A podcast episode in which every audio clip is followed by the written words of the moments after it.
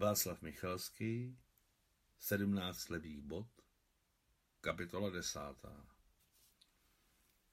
Máme na co vzpomínat, pokračovala stařena, zvedajíc nalitou stopku. Pojď, připijem si na náš život nepovedený.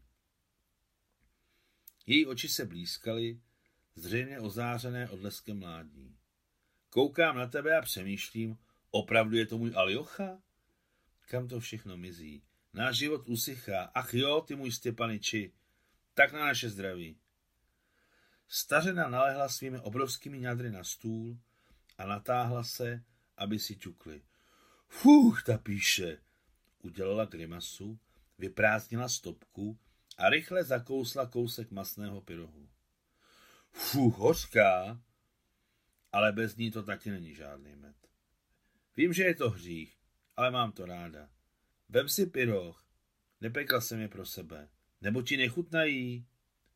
Jak by ne, to je pyroch přímo jedna báseň, dobře vaříš, pochválil je Adam. No co, ohradila se skromně stařena.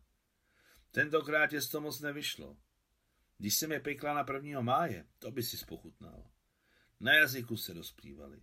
Přišel Lisčintchán, pohostila jsem ho a nemohl si je vynachválit. Sněd čtyři kousky. Není ani starý, ani tchán. Je to od čím lízenčina muže. Byl ještě skoro kluk, když padl na frontě. A s tímhle se trápí už několik let. Škoda mluvit, ale teď už sláva bohu ovdověl. Ach, ať holka šťastná, nekus mi do obličeje. Rozčilila se stařena, která odháněla dým. Ty mě neposloucháš. Hluboce zamyšlený Adam potahoval z dýmky.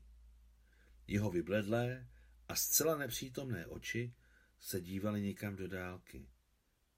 Dívali se do dálky skrz stařenu a strážnici a zdálo se, že skrz marnost celého tohoto života. A co jsi říkala? Probral se on. Už nic, už klíbla se stařena. Ach ty nešiko, celý život si takový. Pamatuji si to ještě za mlada. Upřímně se začneš dívat jako tele do jednoho místa a přemýšlíš. Nad čím přemýšlíš? Kdybys mi myslel, tak bys nejspíš i život prožil jako člověk a lidem bys něco dal. Jakým lidem? Zeptal se Adam. Obyčejným, mně například. Odpověděla stařena. Můj život mi kvůli tobě utekl ani nevím jak. Dám na čaj, přerušili Adam. Dokulhal se do rohu, kde na modré taburetce stál petroleový vařič. Zapálil ho a postavil na něj hnědou emailovou konvici. Nedávno jsem viděl na hřbitově Gulu, dceru Ivana Dmitriče, řekl Adam, který přitom seřizoval vařič, jenž začal čoudit, s cílem změnit téma rozhovoru. Jakého Dmitriče? Velitele mého pluku. Byl jsem za války jeho ordonanc. Byl jenom jeden Ivan Mitrič. A vzpomínám si, vyprávěl si to. Hezká ženská? Zeptala se živě stařena. Hezká, řekl přesvědčivě Adam. O tom jsem nemluvil, ale hezká je, to je pravda. Dobře udržuje jeho hrob. Má tam kitky, keříky, něco jako smrčky, tůje nebo co.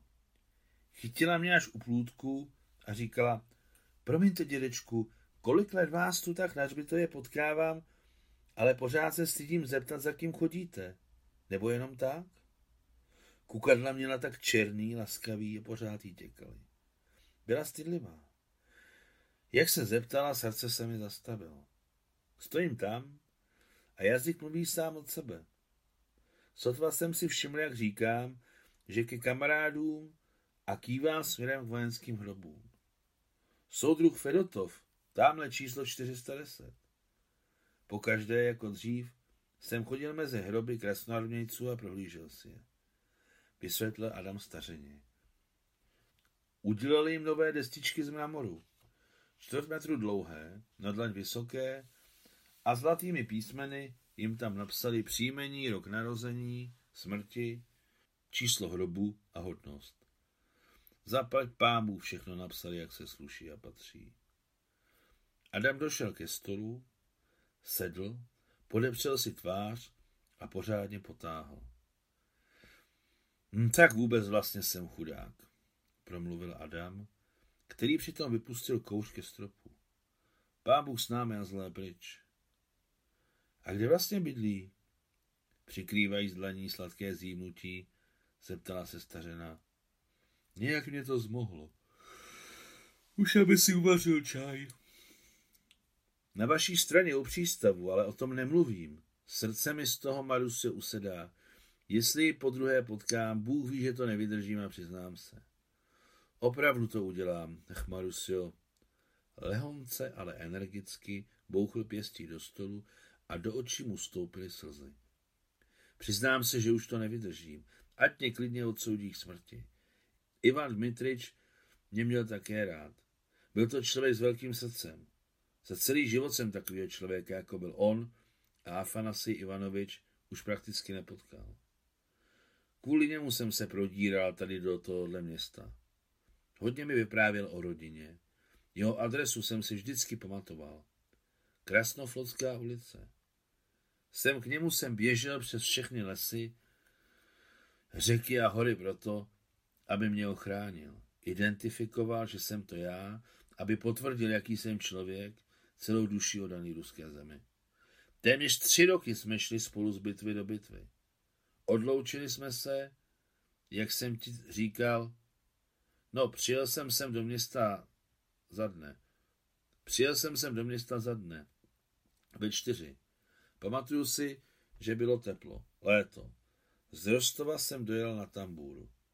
Vystoupal jsem na nádraží, po těchto kamenných schodech, přešel náměstí, vycházím z poza rohu a proti mě nesou rakev. Hraje vojenský orchestr, vepředu nesou polštářek vyznamenáními.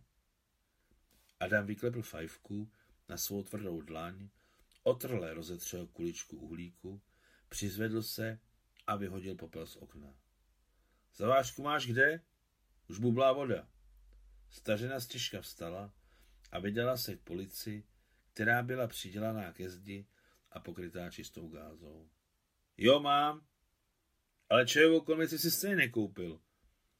Mám to nasypat rovnou sem? Syp, odpověděl Adam. Tak, vpředu polštářek z řády. Přičiskl jsem se ke zdi a čekal, abych se podíval neboštíkovi do tváře. Když přišli blíž, vidím, že je to on, Ivan Dmitrič. On se mě nedočkal. Všechno se mi v hlavě zatočilo. Mísil jsem se do davu a nenápadně šel se všemi za rakví na hřbitov. Jeho matku i dcerku Gulínku jsem poznal hned. Na hřbitově měl řeč nějaký snědý, takový svižný major. Plíže gardový plukovník Ivan Dmitrič Jirmakov umřel na následky zranění z velké vlastenecké války a tak dále. Zatloukli rakev a zasypali ji. I já jsem si hodil hrst hlíny. Dali mu trojitou salvu. Takhle zmizela moje šance na záchranu. Celý náš pluh v tom boji padl. Zřejmě byl jediný, kdo se dostal umřít domů. A takové polomrtvé a bezděčné nešťastníky jako já po stovkách pozbírali Němci.